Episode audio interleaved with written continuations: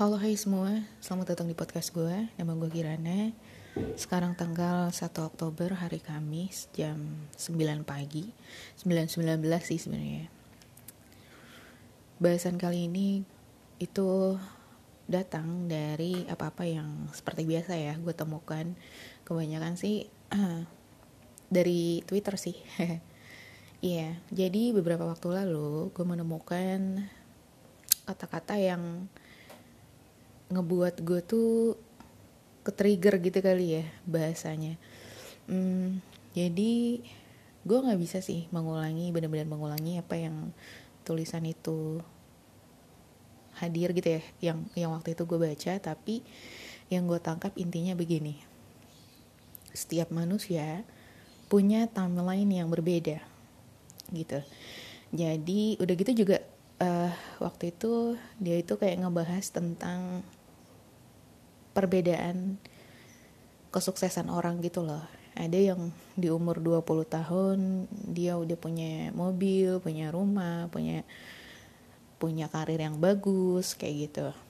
Tapi ada juga di situ yang komen bahwa wah gue di umur 20 tahun gue masih kuliah, gue masih gegoleran gue masih rebahan gue masih jadi manusia yang belum belum apa-apa gitulah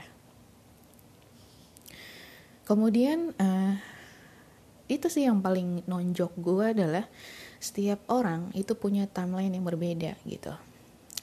Jadi kali ini gue pengen ngebahas soal tentang itu. Dan ini udah pasti ada kaitannya dengan diri gue gue itu dulu hmm, anak yang gimana ya? Gue itu dulu anak yang sangat pemalu ya. Memang gue dari kecil itu anak yang pemalu. Gue um, kurang bisa bergaul gitu dengan teman-teman sebaya gue. Kalau misalkan seandainya di kelas guru gue tuh kayak ketika ada yang tahu ayo tunjuk tangan tunjuk tangan gitu dalam hati gue gue tahu jawabannya. Tapi gue nggak bisa tunjuk tangan karena gue ada punya rasa takut gitu. Takut salah takut diketawain temen kalau salah. Terus juga gue takut orang tuh ketika gue tunjuk tangan teman-teman gue pada ngeliatin gue kayak gitu. Jadi banyak ketakutan. Terus uh, akhirnya gue biarin gitu aja gitu. Yang teman gue tuh ada yang ngejawab terus salah. Yang ternyata nggak dia papain kok gitu loh tapi itu kayak hanya di pikiran gue tuh kayak gue takut gitu loh. Ketakutan gue tuh berlebihan intinya. Terus uh, di situ tuh gue jadi kayak anak yang pendiam gitu kan. Pendiam itu tuh setiap itu berulang. Dan ketika gue bener-bener ditunjuk gitu ya ah Kirana coba jawab. Jawabannya apa? Nah terus kayak gue tuh akan bergetar gitu loh. Entah itu suara gue entah itu kayak tangan gue kayak tiba-tiba tuh gue jadi gagap kayak gitu. Jadi kayak ada respon yang memang nggak seharusnya sih seharusnya ya. Seharusnya mah ya udah jawab aja gitu. Kalau misalkan memang lo tahu ya udah jawab aja. Tapi pada saat itu yang terjadi adalah adalah tangan gue tuh bergetar dan tubuh gue tuh uh, mengeluarkan hal-hal yang tidak wajar gitu lah ya. Nah terus hmm, itu juga apalagi ya?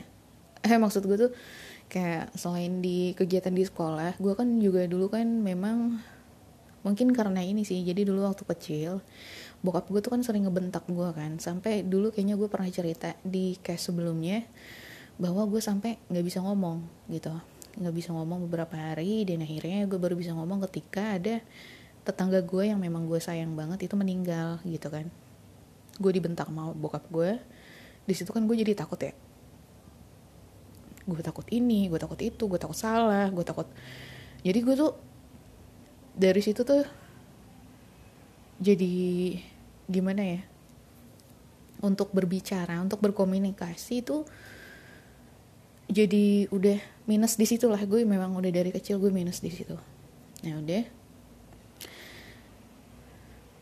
Terus kayak secara otomatis perkembangan sosial gue dengan anak-anak sebaya itu berbeda gitu loh. Jadi teman-teman gue tuh kayak lebih bisa mengekspresikan bisa menyampaikan apa yang dia pikirkan bisa mengeluarkan pendapat sesuai dengan yang dia mau bisa benar-benar vokal bisa benar-benar ya pokoknya kayak gitu. Sedangkan gue itu lebih yang kayak pendiam. Gue gue intinya merasakan ada uh, perbedaan perkembangan pengetahuan gitu. Itu emang udah dari kecil. Teman gue udah tahu ini gue belum tahu. Terus uh, teman gue udah bisa menguasai ini gue belum. Dan itu gue rasakan udah dari dulu gitu. Terus itu itu kan kayak masa memori kecil ya. Terus kemudian ketika gue dewasa itu berasa banget ketika ini uh, pengalaman gue banget sih ya. Teman gue tuh bisa meniti karir dengan stabil sestabil itu.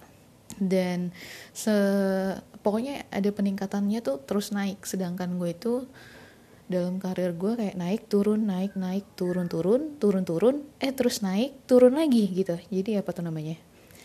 Naik turun lah mungkin naik turun lah ya kita namakan naik turun. Jadi kalau temen gue itu misalkan dia pertama kali um, jadi admin dari admin terus dia jadi um, supervisor dari supervisor manager dan lain sebagainya naik lagi naik lagi naik lagi gitu.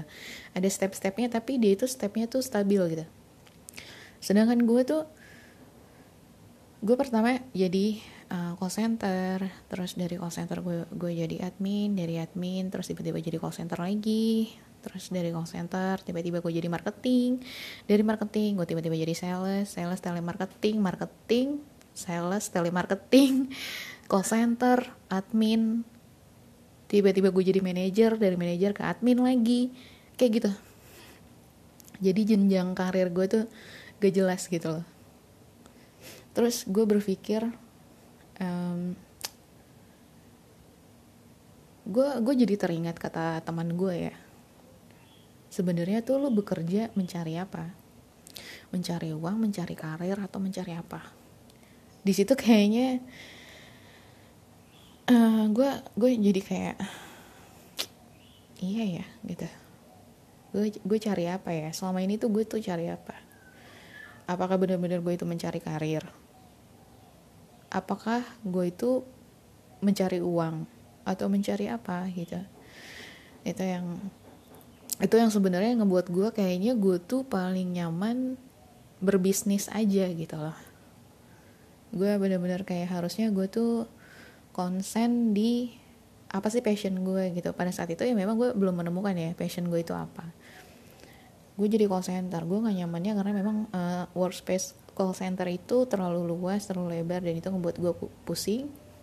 Banyak banget orang di dalamnya dan terlalu jam kerjanya juga terlalu gak jelas gitu ya. Ada overtime terus juga um, overtime itu kan dia kan kayak lembur kan dan lemburnya itu kayak kayak nggak terarah gitu loh. Bisa jadi lo kayak harus disuruh masuk dan gantiin temen lo dan lain sebagainya. Udah gitu juga kalau misalnya hari-hari libur hari-hari raya lo nggak bisa libur gitu lo harus masuk gitu. Itu jam jam terbangnya kalau jadi call center tuh kayak jungkir balik banget gitu. Terus kalau misalnya jadi marketing telemarketing gue nggak nyamannya ya karena memang gue tuh uh, itu kan suatu pekerjaan yang memang gue harus lakukan karena profesional gitu. Kayak kayak maksudnya tuh kayak kegiatan profesional gitu. Bukan apa yang sebenarnya gue mau. Karena basicnya kan gue kan memang bukan bukan dari orang yang yang pandai berkomunikasi sebenarnya. Tapi cuman karena lagi-lagi gue tuh kan diberi namanya apa ya gift ya? Atau apalah gitu yang diberikan Tuhan sehingga gue tuh bisa bekerja dengan kemampuan gue yang padahal skill komunikasi gue itu sangat buruk gitu. Kalau misalkan kalian mendengarkan gue kayak ada hal yang istilah-istilah yang sebenarnya gue seharusnya tidak menggunakan istilah itu tapi gue gunakan istilah itu. Ada kata-kata di mana kata-kata yang gue keluarkan itu salah. Ada susunan kalimat yang itu tuh nggak sesuai. Terus juga nggak yang sesuai dengan SPOK kayak gitu-gitu. Jadi banyak hal sebenarnya kekurangan yang ada di diri gue yang menyangkut tentang komunikasi. Tapi entah kenapa lagi-lagi Allah itu adil gitu loh. Adil sama gue. Sehingga komunikasi itu dalam pekerjaan gue walaupun gue di dalam bidang marketing yang yang mengandalkan skill komunikasi lah itu tuh nggak jadi masalah gitu loh. Gue tetap aja achieve achieve selalu achieve target setiap bulan. Bahkan gue tuh juga dulu apa ya ya gue pernah cerita ya gue pernah kerja di satu bank di mana semua tuh pada ngeremehin gue pada saat gue masuk di bank itu. Wah lo nggak bakal bisa lo gitu. Tapi di situ gue bisa bisa apa ya bisa membalas mereka gitu loh. Bisa membalas mereka dan dan akhirnya kayak woi gue nih gue nih kirana nih gitu. Bukan kaleng-kaleng gitu. Terus kayak uh, dan gue dipanggil benar-benar dipanggil di depan dan disebut namanya dan di situ disebutkan juga pencapaian gue tuh apa. Gue nomor 2 sekanwi 5 Jakarta. Di bank itu kayak gitu. Dan itu gue dapat uang tunai di situ. Gue juga dapat dapat sertifikat juga. Jadi dan itu ada semua masih ah fotonya gue masih ada nggak ya? Foto maksudnya tuh foto amplopnya sih. Di situ ada nama gue dan tulisan juara berapa gitu loh. Kayak gitu. Kayak waktu itu gue pernah ngirim ke kakak gue sih tapi gue nggak tahu masih ada atau enggak terus uh, ya jadi dan itu tapi gue gue dapat itu udah udah di umur yang sebenarnya sih nggak jelas gitu loh. Gak maksudnya tuh gimana ya mungkin teman-teman gue tuh kayak yang udah udah berpikir udah yang jadi waktu umur 25 26 gitu gue kenal sama satu orang di Facebook nih. Kayaknya gue dapat dapat itu di umur segitu deh 25 26 dapat apa yang juara dua itu. Nah terus gue ketemu nih uh, sama orang di Facebook waktu itu. Terus uh, dia nanya nanya umur gue dan pekerjaan gue terus gue bilang dong pekerjaan gue ini umur gue segini. Terus kata dia kok lo masih aja di posisi itu sih? Seharusnya lo udah settle. Dalam hati gue oh begitu ya? Gitu. Oh jadi memang kalau misalkan kesuksesan seseorang itu mungkin gini sih ya maksud dia mungkin pada umumnya gitu loh pada umumnya seharusnya di umur segitu lo harus sudah menjadi ini tapi pada kenyataannya gue masih belum menjadi apa-apa pada saat itu. Terus uh, gue tuh jadi kayak berpikir emang harus begitu ya? Gitu. Emang di umur maksudnya lagi pula memang di dunia ini lo lo uh, untuk menjadi sukses itu dilihat dari karir lo atau gimana gitu sebenarnya. Itu kan gue kayak banyak pemikiran banyak pertanyaan yang ada di kepala gue dan dan itu tuh kayak sebenarnya mengganggu sih gitu. Mengganggu gue. Tapi setelah itu gue pikir-pikir lagi kayaknya setiap orang itu berbeda sih gitu. Cuman kayaknya apa yang dia ucapkan itu menurut gue nggak pantas aja untuk disampaikan ke orang dengan pernyataan seperti itu. Menurut gue gitu. Entah apa maksudnya tapi gue mengerti sih. Ya mungkin memang dia itu punya punya apa ya? Punya punya punya punya punya punya punya apa ya namanya tuh uh, punya definisi tersendiri gitu gak sih? Bah bahasanya punya pendapat sendiri atau punya apa ya? Dia punya pemikiran sendiri lah gitu. Mungkin dia punya kayak punya eh, standar sendiri gitu. Maksudnya untuk kayak sukses harus di umur berapa dan kayak kayak di umur berapa kayak gitu kali ya. Tapi lagi-lagi mungkin entah gue ya yang memang terlalu santai. Memang kadang gini sih sebenarnya terkadang gue juga gue juga kadang takut ya apakah gue ini terlalu santai? Di umur segini aja gue masih kuliah loh. Gue masih ngambil S1 gue bukan S2 bukan S3 S1 di umur 29 ini gue kayak masih. Tapi lagi-lagi uh, um, apa ya menurut gue sih pendidikan penting. Tapi kan pada saat itu ketika gue mau ngambil S1 gue gue tuh terkendala biaya ya. Yang sebenarnya kalaupun dia dadain sebenarnya sih bisa sih. Cuman pada saat itu gue kayak ngerasa belum waktunya aja gitu untuk ngambil S1 jadi gue ntar dulu deh gitu. Akhirnya gue baru bisa ngambil S1 itu tahun 2018 itu baru baru gue bisa ambil. Dan eh 2019 apa 2018 ya? 2019 ya? Iya 2019 gue ambil. Terus ya ya udah mungkin itu itu waktunya gitu loh. Jadi gue sih enjoy aja gak yang berpikir gimana gimana gitu. Walaupun mungkin ketika gue bilang kalau misalkan gue gue masih kuliah loh gue gue ngambil S1 loh. Terus kayak teman gue tuh kayak ya lah gitu. Gue aja udah punya anak anak gue udah dua di umur 29 ini gue udah bahagia sama suami gue gue punya keluarga kecil. Ya tapi ya udah gitu loh. Ngerti gak tapi ya udah. Terus gue juga ketemu sama orang yang kayak gini nih. Oh iya sebentar ini daripada loncat-loncat. Uh, jadi cerita gue tentang yang waktu gue kecil gue tuh nggak berani angkat tangan terus tiba-tiba teman gue tuh udah yang begini gue yang masih begini itu maksud gue tuh ya itu sih ada kaitannya dengan jadi timeline orang tuh berbeda-beda gitu tentang kesuksesan gue dan kesuksesan teman-teman gue gue yang masih begini dia yang udah begitu gue yang uh, dengan posisi gue yang sekarang saat ini dan posisi teman-teman gue yang seperti itu ya udah gitu. Jadi kita tuh nggak akan pernah tahu sih sebenarnya. Bisa jadi lu tau gak sih ceritanya tentang yang yang punya KFC yang intinya sih dia tuh sukses di umur 65 tahun. Itu deh dia tuh bener bener bener jadi kaya raya tuh di umur dia yang setua itu setelah berkali-kali dia gagal jadi gue sih bukannya bermaksud kayak ah tenang aja yang punya ya maksudnya yang yang yang benar-benar penemu KFC aja. Dia kayak di saat dia tua kayak gitu nggak kayak gitu sih. Cuman kayak gue mencoba untuk nggak terlalu terobsesi dengan dengan pencapaian karir gue aja gitu loh. Menurut gue sih kayak gitu ya. Karena memang mungkin gini sih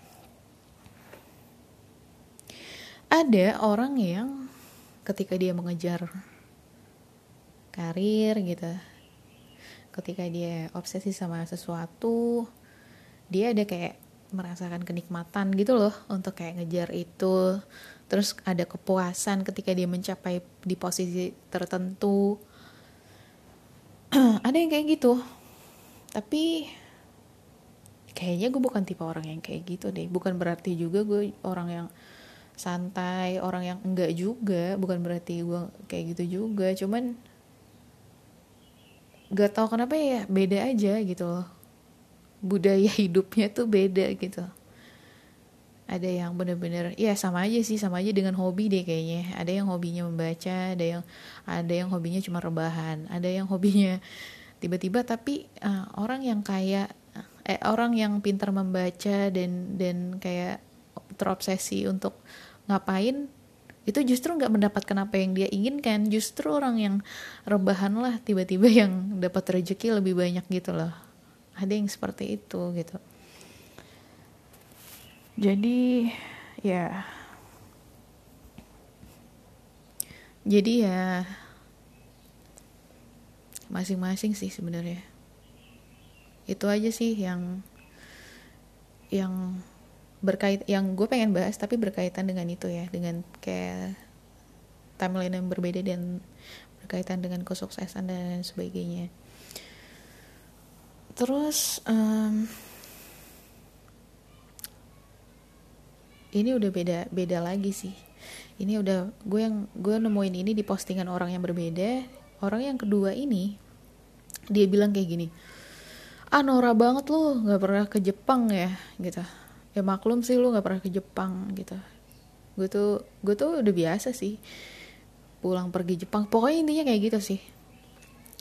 Dia tuh udah udah sering ke Jepang.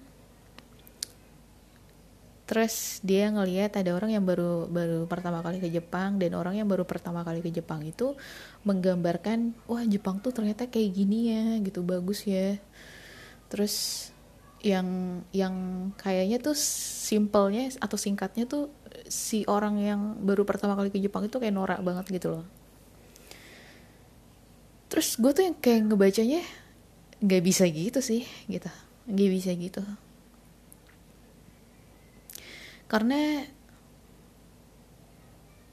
gimana ya? Gue ngegambarinnya ngejelasinnya gimana ya gue gambarkan dengan gue aja deh ya. Gue ini sebelumnya di case gue sebelumnya masih inget nggak ketika gue gue bercerita tentang mantan gue yang ngajak gue ke mall di mana gue gue aja sampai ketika gue lagi ngomong nih di case gue sendiri gue nggak tahu namanya itu mall apa. Terus uh, itu kali pertama gue pergi ke mall itu loh yang sebenarnya mall itu tuh udah lama banget berdiri. Yang kalau yang ke samping samping itu ke mall Taman Anggrek gue sih udah cukup beberapa kali lah bukannya cukup sering beberapa kali gue ke sana tapi gue belum pernah ke mall yang satunya yang di dekat situ yang yang cepek ya namanya. Semoga gue kali ini nggak salah ya cepek terus terus uh, ya ketika gue masuk sebenarnya uh, gimana ya nggak bisa dikatakan kampungan juga tapi gue juga nggak nggak yang benar-benar kampungan yang sampai yang gimana gimana enggak sih. Cuman gue berusaha senormal mungkin gitu loh kayak orang-orang yang lainnya. Tapi ketika emang lagi sepi jujur aja jadi kan itu kan mallnya gede banget ya gede banget. Nah terus ada spot di mana memang oh jadi waktu itu gue datang ke mall itu pagi-pagi banget gitu jadi memang masih sepi mallnya. Jadi baru banget buka gitu gue dan mantan gue itu uh, udah ada di mall itu gitu. Nah terus memang mantan gue ini sengaja gitu loh ngajak gue pagi-pagi karena kalau masih sepi gitu kan gue nggak kikuk ya. Gue tuh kan kalau misalkan banyak orang tuh gue kikuk gitu. Tangan gue dingin. Terus juga gue tuh kayak gak nyaman gitu loh rasanya. Nah cuman kebetulan gue punya dulu punya pacar yang dia tuh menjaga gue banget gitu lah. Akhirnya dia bilang gini yang eh, kita berangkat pagi-pagi yuk gitu kan. Gue kan nggak ngerti ya kenapa gitu. Cuman eh udah pagi-pagi aja pokoknya. Dan setelah itu dia bilang gini aku sengaja ngajak kamu pagi-pagi karena mall itu tuh sepinya pagi-pagi. Gitu. Pokoknya gue gue dulu sayang banget sama dia karena dia tuh sampai se ngeplanning semuanya tuh serapih itu gitu loh. Kayak gitu. Dia benar-benar ngejaga gue dia benar-benar pokoknya kayak gitulah. Si si Angel tuh makanya gue katakan dia tuh the best partner ever. Iya terus akhirnya si Angel uh, ngajak gue ke sana kan. Nah ketika sepi itu gue tuh kayak dalam hati gue bagus ya mau gila gitu kan. Gede banget ya gitu. Gue nggak pernah loh ke mall segede ini gitu. Ya dulu pernah sih ke Moy Moy juga gede kan terus uh, ke M yang apa tuh? Yang kelapa gading. Terus uh, ke mana lagi? Gue juga dulu pernah sih ke mall-mall yang gede. Tapi cuman di CP ini tuh gimana ya? Bagus aja gitu menurut gue bagus aja. Terus gue tuh kayak berusaha normal tapi sejujurnya gue kayak celingak celinguk ih bagus ya bagus ya gitu. Terus um, oh itu tuh ada ini ya. Terus jadi kayak sambil jalan mantan gue tuh ngejelasin kayak ini tuh ini uh, brandnya ini gitu loh. Maksudnya kayak ada toko pakaian yang katanya tuh uh, gue gimana ya ngejelasinnya? Susah. Terus terus oke okay, oke okay, oke. Okay. jadi gue diajak sama mantan gue itu kayak dia tuh sambil ngejelasin toko ini toko baju ini tuh terkenal. Ini tuh kayak merek dari Eropa kayak gitu-gitu. Terus oh gitu ya. Gue susah nyebutnya jadi gue nggak usah nyebutin lah ya. Maklum nih lidah Belanda. Jadi lidah gue emang rada susah gitu ngomong yang brand-brand terkenal kayak gitu. Ya terus ya udah. Oh gitu ya. Gue jadi kayak tahu gitu kan. Oh gitu. Jadi gue tuh bener-bener menikmati mall itu gitu terus gue jalan tuh dari yang CP kan di situ kan kayak ada penghubungnya tuh yang ada jalan ke Neo Soho. Nah itu kan jalan kaki tuh. Gue ya ampun gue seneng banget gitu jalan di situ tuh. Kayak kayak yang jalan yang itu tuh yang kayak ada jembatan gitu kan ya? Yang iya dari yang dari lantai dua apa dari lantai berapa gitu loh. Gue tuh sampai kayak bener-bener orang norak tapi cuman yang bagi orang tuh itu udah hal yang biasa maksud gue gitu. Tapi juga lu nggak bisa menilai gue norak karena memang itu tuh kayak bener-bener pengalaman pertama gue gitu loh. Terus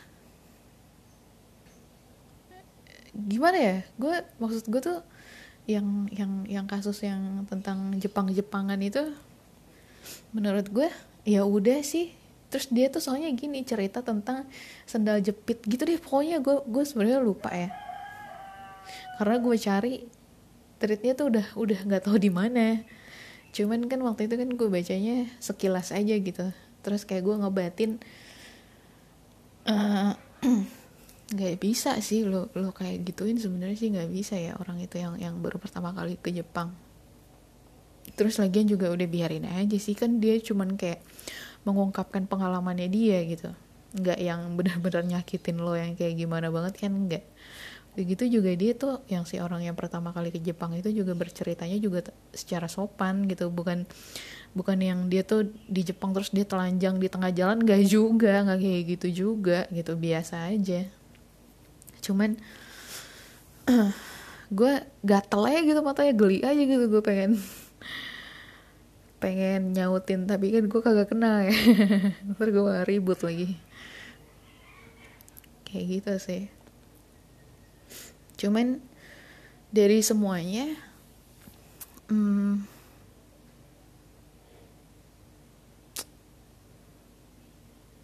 door. Dari semuanya tuh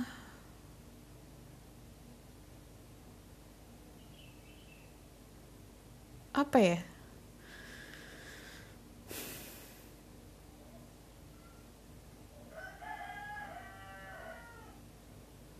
apa sih? Gue malah diem. Soalnya gue gue ada nih ada ada kata-kata di kepala gue tapi gue tuh susah gitu loh untuk ngungkapinnya.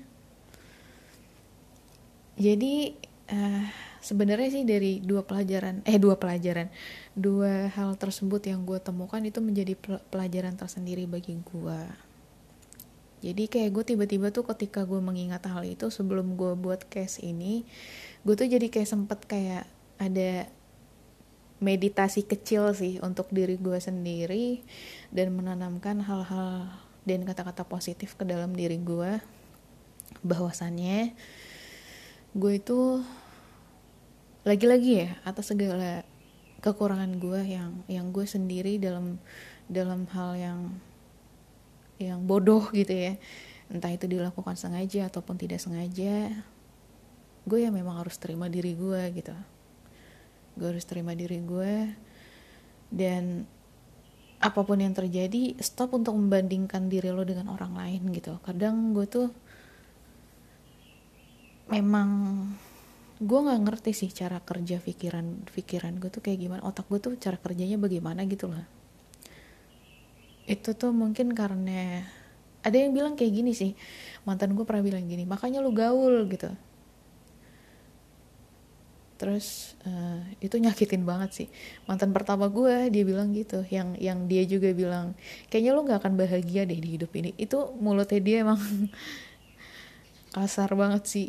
Tapi dia tuh kayak bener-bener ngebuat gue lagi-lagi gini loh orang yang orang yang menyakiti lo intinya adalah orang yang yang membuat lo lebih lebih bisa mengatur diri lo dan mengontrol diri lo gak sih? Kalau gue sih gitu ya jadi mata pertama gue itu dulu pernah bilang gini lo tuh mm, mungkin bakal menjadi orang yang tidak akan pernah bahagia di dunia ini gitu. Terus dia juga pernah bilang uh, makanya lu gaul otak lu jadi nggak tumpul gitu kan. Terus uh, banyak hal hal buruk yang yang dia sampaikan ke gue yang yang yang itu tuh menjadi menjadikan gue tuh kayak berpikir emang iya ya? gitu. Terus oh mungkin iya kali gitu.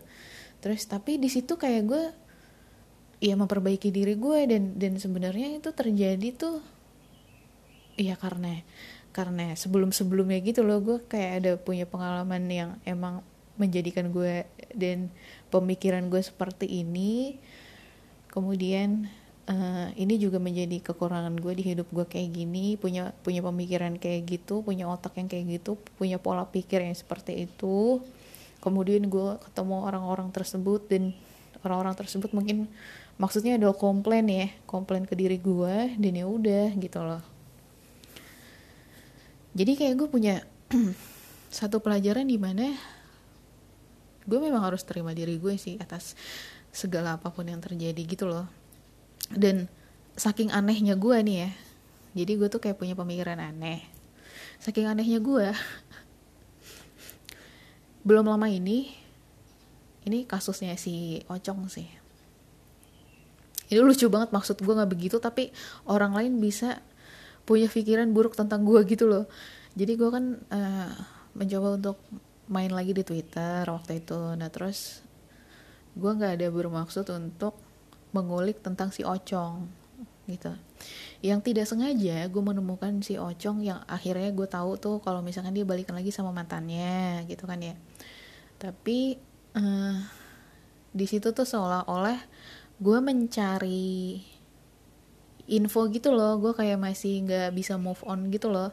Seolah-olah gue tuh kayak mengulik-ngulik hubungan dia dengan mantannya kayak gitu-gitu. Nah terus gue tuh kayak jadi hmm, kok jadi kayak gini ya? Maksud gue tuh kayak gue tuh cuman cuman tidak sengaja menemukan si Ocong dan tidak sengaja tahu juga bahwa dia tuh balikan sama mantannya. Tapi dalam hati gue tuh ya udah gitu gue nggak peduli. Tapi seolah-olah tuh udah gitu tidak sengajanya lagi gitu tidak sengajanya lagi gue tuh kenal sama kenal sama temannya mantannya. Jadi temannya mantannya itu dulu sempat komunikasi sama gue sempat deket. Kita tuh kita tuh udah hampir yang kayak mau pergi bareng kayak gitu. Pokoknya sempat sedekat itu. Dan ternyata itu adalah tempatnya temannya mantannya si Oceng teman deketnya teman gengnya. Terus kayak dunia ini tuh kecil banget. Intinya kayak gue kayak di situ ngerasa gue tuh kayak pengen tahu banget tentang Ocong. Dalam hati gue nggak kayak gitu gitu. Terus gue yang gue kayak yang tertuduh gitu. Itu yang pertama. Yang kedua ini tentang mantan gue yang pertama. Gue tuh lagi buka lagi Facebook gue. Gue gue udah lama banget nggak nggak ini ya nggak pakai Facebook gue. Tadinya ya gue pengen mau promosi dagangan gue tuh pakai Facebook asli gue. Gue tadinya pengen buka di di marketplace-nya gitu. Di marketplace-nya Facebook itu. Terus gue kan iseng aja gitu gue ngeliat pesan-pesan yang lama dan di situ ada pesannya mantan gue terus dan itu gue tuh kan nggak tahu ya gue mah scroll scroll scroll scroll gitu aja. Nah terus tanpa sengaja mungkin entah itu kepencet lama atau ke klik dua kali atau gimana gue nggak tahu. Itu tiba-tiba gue kayak ngasih jempol ke salah satu chat yang dia kasih. Gila nggak gila nggak? Terus kayak gue tuh kayak langsung panik. Hah? Ya ampun ya ampun gimana nih? Ini ini ke like nih. Terus kayak itu gue nggak sengaja nggak sengaja gitu. Dan tahu apa? Setelah setelah ke like itu si profilnya mantan gue tiba-tiba ke hide semua. Yang tadinya dia tuh nggak ngunci profilnya ketika gue nge-like tiba-tiba ke hide. Terus dalam hati gue gue goblok banget gitu maksud gue tuh gue nggak ada mungkin dia berpikir aduh gue dikepoin mantan lama nih gitu. Terus kayak dalam hati gue gue kepencet gitu. Gue kepencet. Gue nggak ada niat buat ngepoin lu. Kayak untuk untuk sekedar pengen tahu lagi lo aja enggak gitu. Terus tiba-tiba tuh dia tuh kayak udah langsung hilang gitu loh. Abis nggak sengaja ke ke klik like ke klik jempol gitu. Gila gue gue tuh langsung yang kayak beberapa jam gitu gue kayak aduh anjir. Aduh jangan-jangan dia berpikiran ya walaupun sebenarnya sih nggak apa-apa sih ya dia dia mau berpikir apa juga nggak apa-apa. Tapi cuman kayak gue nggak terima aja gitu ntar dia dia mikirnya wah si Kirana masih ngepoin gue jangan-jangan Kirana tuh kayak nggak pernah move on gitu dari gue gitu. Gitu gak sih aduh. Kayak gitu. Ini sore nih jadi jadi pembahasan jadi panjang tapi cuman gak enak aja gitu. Shit lah. Ya kayak gitu sih. Bahasan yang ya itu itu sih bahasan yang pengen gue bahas. Terus uh, ya jadi gue tuh gak usah gue dan lo gitu sih ya tepatnya. Gue dan lo ketika lo kayak ngerasa gila gue di umur segini gue belum jadi apa-apa ya ampun gue belum lu nggak bakal tahu rezeki lo masih mungkin kayak masih otw nih dari Tuhan gitu kan ya dateng lewatin langit. Belum ke lu sih emang gitu kan tapi kan ya udah biarin aja dulu gitu. Belum belum belum. Tapi kan lu nggak akan tahu rezeki itu kan bener-bener nih buat lo gitu. Kata Allah gitu. Kan nggak tahu gitu kan. Sama kayak gue juga gue gue gue berpikiran Tahan lu gue berpikiran uh, ya kok jadi ya ya ya, ya. nggak ini ke distract gue ada ya WhatsApp. Sama ketika gue nih di posisi gue pada saat itu yang yang alhamdulillah sih ya kalau misalkan gue bener-bener mikirin tentang omongan yang orang Facebook itu tuh yang katanya lu tuh seharusnya di umur 25 26 itu kayak lu harusnya udah sukses. Gue bakal stres sih kalau misalkan gue mikirin kayak gitu ya cuman anehnya sih gue tuh nggak langsung yang kayak wah iya gue harus iya nih bener juga nih kata dia. Oke deh kalau kayak gitu mulai besok gue akan bener-bener cari pekerjaan dan gue tuh kayak bener-bener harus menata karir gue terus tiba-tiba gue kayak harus mencapai ini posisi ini gue harus dapat gaji segini pokoknya gue nggak boleh eh stres gue gitu. Jadi untungnya gue juga nggak berpikir seperti itu sih. Jadi gue bener-bener tapi ya bener-bener tapi jangan sampai pokoknya intinya gini sih gue tuh kayak jangan sampai gue gue berhenti aja. Ya buktinya walaupun gue tuh kayak naik turun naik turun dalam karir tapi kan cuman masih ada penunjang lainnya tuh kayak misalkan gue bisnis kayak gitu kan. Dan lagi pula entah kenapa mungkin gue tuh memang passionnya bukan bekerja di satu perusahaan gitu loh. Gue tuh uh, gue tuh passionnya tuh kayak emang berbisnis gitu loh gue nggak tahu kenapa dalam diri gue tuh kalau misalkan gue jadi orang yang duduk gitu duduk nih duduk terus dan gue punya pekerjaan yang monoton tuh gue tuh bosen. Pikiran gue tuh sebenarnya nggak di dalam ruangan itu gitu. Bisa jadi pikiran gue tuh di luar gitu loh yang liar yang gue nggak tahu gimana. Pokoknya gue nggak ada di tempat gitu loh kayak seolah-olah tuh raga gue nggak ada di situ gitu. Jadi ya gue biarkan aja sih untuk saat ini kayak setelah gue menemukan itu tulisan itu dan gue berpikir gue meditasi sebentar dan dan gue benar-benar mencerna gitu ya apa yang sudah sudah pernah gue lewatin di dalam hidup ya gue memang harus menerima apa pun yang terjadi gue akan akan akan kerjakan apa yang sekarang gitu. Dan gue nggak mau menyesali apa yang udah lewat nggak ada kata terlambat semuanya tuh pasti ada jalan keluarnya kayak gitu. Yang pasti lu jangan buat kebodohan aja sih sebenarnya. Bener-bener yang kebodohan yang gak jelas gitu loh. Jangan sampai aja gitu. Kayak gitu sih menurut gue kayak gitu. Jadi gue sih untuk sekarang kayak masih tetap berdoa untuk untuk ke untuk ke untuk kesuksesan gue ya kayak gitu. Gue juga berdoa untuk kalian semua yang memang lagi berada di dalam fase sulit di dalam hidup. Semoga kalian bisa menemukan jalan masing-masing sama seperti gue saat ini. Gue juga sekarang juga lagi memohon kepada Allah untuk selalu ditunjukkan jalan yang lurus. Oke CO see you bye bye